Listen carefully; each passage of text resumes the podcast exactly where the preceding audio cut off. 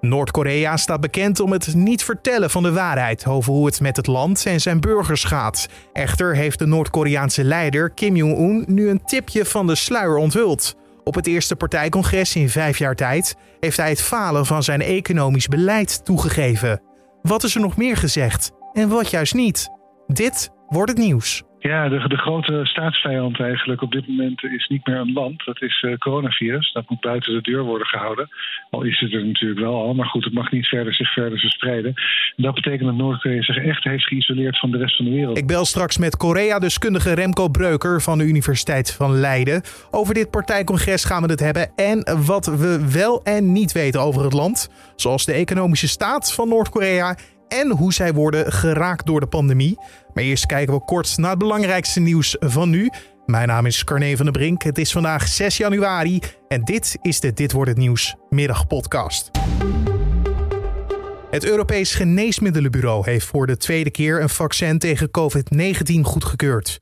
Het vaccin is ontwikkeld door het Amerikaanse Moderna en mag na goedkeuring van de Europese Commissie in Europa gebruikt worden. Het Moderna-vaccin beschermt naar verwachting 94% van de gevaccineerden tegen COVID-19. En uit eerder onderzoek bleek dat het vaccin met een effectiviteit van 86% ook goed werkt bij 65-plussers. Nog even over het Moderna-vaccin. De eerste 13.000 doses van dit vaccin komen volgende week naar Nederland. De eerste levering zal qua omvang beperkt zijn, dat zegt minister Hugo de Jonge van Volksgezondheid. Volgens de minister wordt begin volgende week bekendgemaakt wanneer gestart wordt met het geven van de Moderna-prikken. Dat vandaag het vaccineren tegen het coronavirus is gestart en dat het EMA het Moderna-vaccin heeft goedgekeurd, noemt de jongen twee keer goed nieuws. Hij is trots op de wetenschap. Het Openbaar Ministerie heeft vandaag voor de rechtbank in Arnhem anderhalf jaar cel geëist tegen verdachte Ali L.I. in de strafzaak over de grove afpersing van een fruitbedrijf in mei 2019. De poging tot afpersing begon na het onderscheppen van ruim 400 kilo cocaïne tussen fruit uit Ecuador. Afpersers eisten via sms-berichten 1 tot 1,5 miljoen euro schadevergoeding van het eh, fruittransportbedrijf in Hedel, omdat de cocaïnefonds bij de politie was gemeld. De zaak tegen de hoofdverdachte Ali G is voor nu uitgesteld. Tijdens de eerste lockdown van vorig jaar werden fors meer kinderen slachtoffer van mishandeling dan in de periodes waarin de scholen en kinderopvang open waren. Volgens onderzoekers van de Universiteit Leiden krijgen slachtoffers vooral te maken met emotionele verwaarlozing en waren ze getuigen van huiselijk geweld. De resultaten maken duidelijk dat het sluiten van de scholen en kinderopvang vergaande implicaties kan hebben voor kwetsbare gezinnen, al dus de Universiteit van Leiden. Wikileaks-oprichter Julian Assange komt niet op borgtocht vrij. Dat besloot een Britse rechter woensdag na een verzoek van de advocaat van Assange. Hoewel maandag duidelijk werd dat de klokkenluider vooralsnog niet wordt uitgeleverd aan de VS, heeft hij volgens de rechter nog steeds redenen om onder te duiken. De VS wil Assange op eigen bodem vervolgen voor spionage. Als Assange wordt uitgeleverd, hangt hem in Amerika een celstraf van tientallen jaren boven het hoofd. Voor het eerst in vijf jaar tijd wordt er in Noord-Korea weer een partijcongres gehouden. Gisteren was de opening en sprak de grote leider van het land, Kim Jong-un.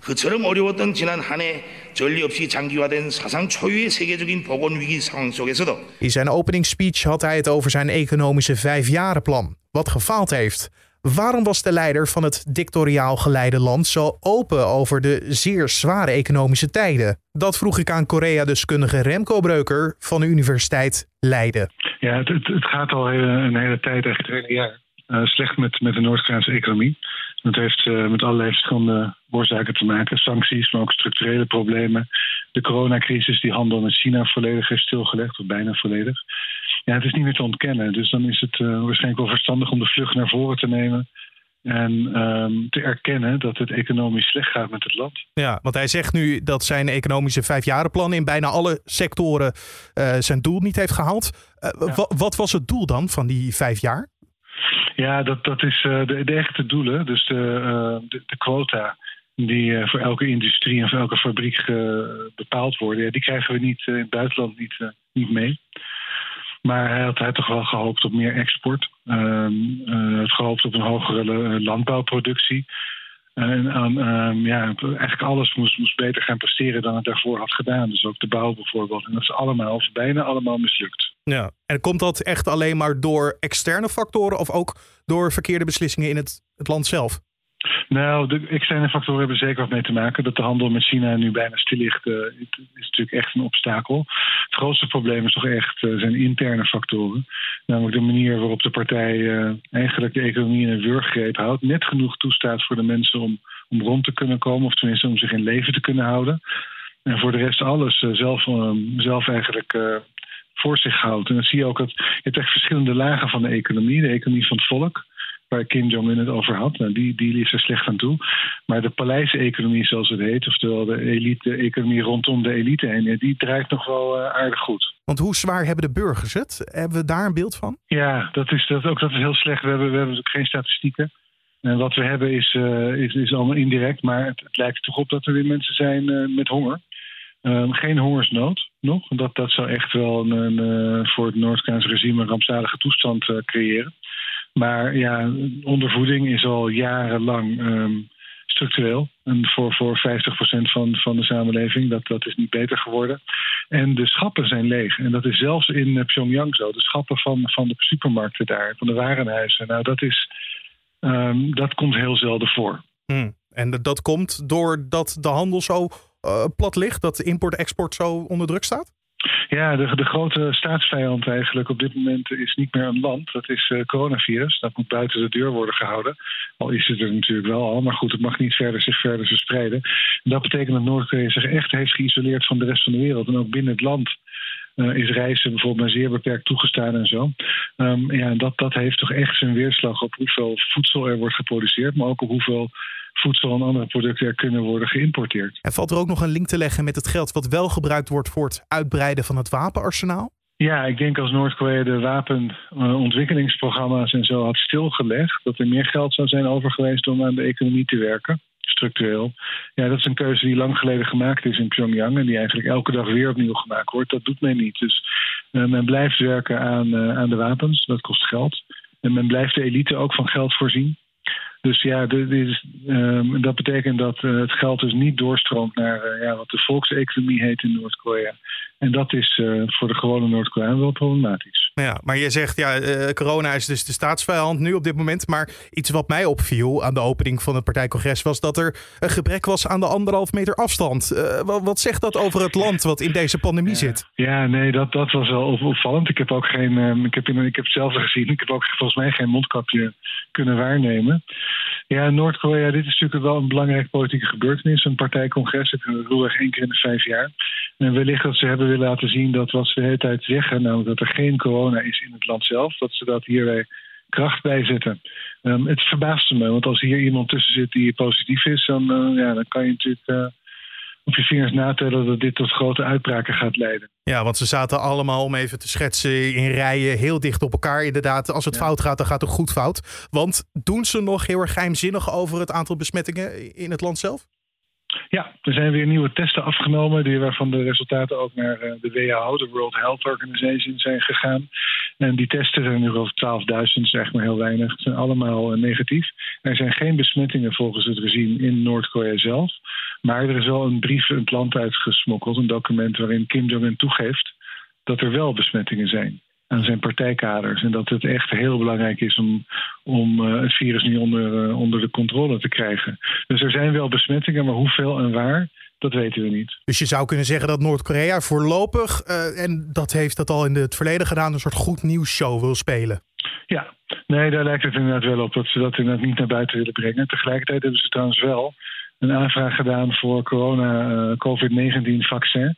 Um, om, uh, om Noord-Korea ook als, ja, als behoeftige partij daarvan uh, te laten voorzien. Hmm. Dus ja, het, het, is een beetje dubbel. Ja, want hoe groot is op dit moment het contrast tussen uh, Noord- en Zuid-Korea? Ja, heel groot. Het is natuurlijk altijd al een, een waanzinnig groot contrast. Maar als het gaat om corona. Noord- en Zuid-Korea heeft natuurlijk eigenlijk de wereld versteld omstaan door hele efficiënte en effectieve coronabestrijding. Maar ook Zuid-Korea heeft het de laatste maanden moeilijk gehad met per dag op dit moment zo'n 800 nieuwe besmettingen. Um, wat in Zuid-Korea tot eigenlijk een heel hoog, um, um, ja, zeg je dat, een, een, alarmeringsniveau heeft geleid. Dus het land zit niet in lockdown, maar er zijn wel hele strenge maatregelen genomen. Wat wel en wat niet mag gaan afstand houden en zo. En dat met 800 besmettingen per dag. Ik vermoed dat er in Noord-Korea wel meer zullen zijn. En daar, wat daar gebeurt is in ieder geval, de, volgens, de, volgens de overheid, is daar helemaal niks aan de hand. Nee, nee. Want maak jij je zorgen dan om de, de gevolgen op de langere termijn? Want ja, uh, dit probleem is natuurlijk niet alleen uh, een probleem van nu, het is ook een probleem van later, weet je, als je kijkt naar de economie en zo. Absoluut, ja. Nee, dit, uh, het, wat, je zult, wat je zult zien, wat je al ziet eigenlijk, is dat er veel minder mensen in staat zijn om te werken. Uh, of omdat ze ziek zijn, maar vooral ook omdat ze niet mogen, omdat ze in quarantaine zijn, omdat ze niet kunnen reizen, omdat ze de grens met China niet over kunnen. Illegaal weliswaar, maar toch, het gebeurde wel op dagelijkse basis. Ja, en dat betekent dat er minder voedsel wordt geproduceerd en dat er minder voedsel het land wordt binnengehaald.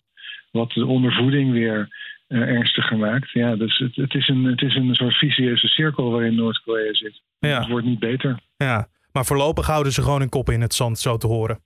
Ja, naar buiten toe zeker wel. Dat was Remco Breuker, Korea-deskundige van de Universiteit Leiden. We hadden het over het eerste partijcongres van Noord-Korea in vijf jaar tijd en de gevolgen van de coronacrisis. En dan nog het weer. Vanavond valt af en toe lichte neerslag. Op veel plaatsen gaat het dan om wat regen of motregen, maar in het oosten kan ook natte sneeuw vallen. Morgen blijft het lang bewolkt en regenachtig. In Limburg is er ook nog kans op natte sneeuw. En overdag trekken nog enkele buien over. Het wordt maximaal 1 tot 4 graden. En om af te sluiten nog even dit. Rijksmuseum Boerhaven krijgt de ampul van de eerste vaccinatie tegen COVID-19. Museumdirecteur Amito Haarhuis laat aan ANP weten trots te zijn deze belangrijke mijlpaal in onze geschiedenis te mogen toevoegen aan de Rijkscollectie. Boerhaven is het Leidse Museum voor Wetenschap en Geneeskunde in juli opende koning Willem-Alexander de tentoonstelling Besmet over de uitbraak van epidemieën door de eeuwen heen. In het heden staat sinds de opening een lege vitrine bestemd voor het eerste vaccin tegen COVID-19 en deze zal dus nu gevuld worden. En dit was dan de Dit wordt het nieuws podcast voor deze woensdag 6 januari.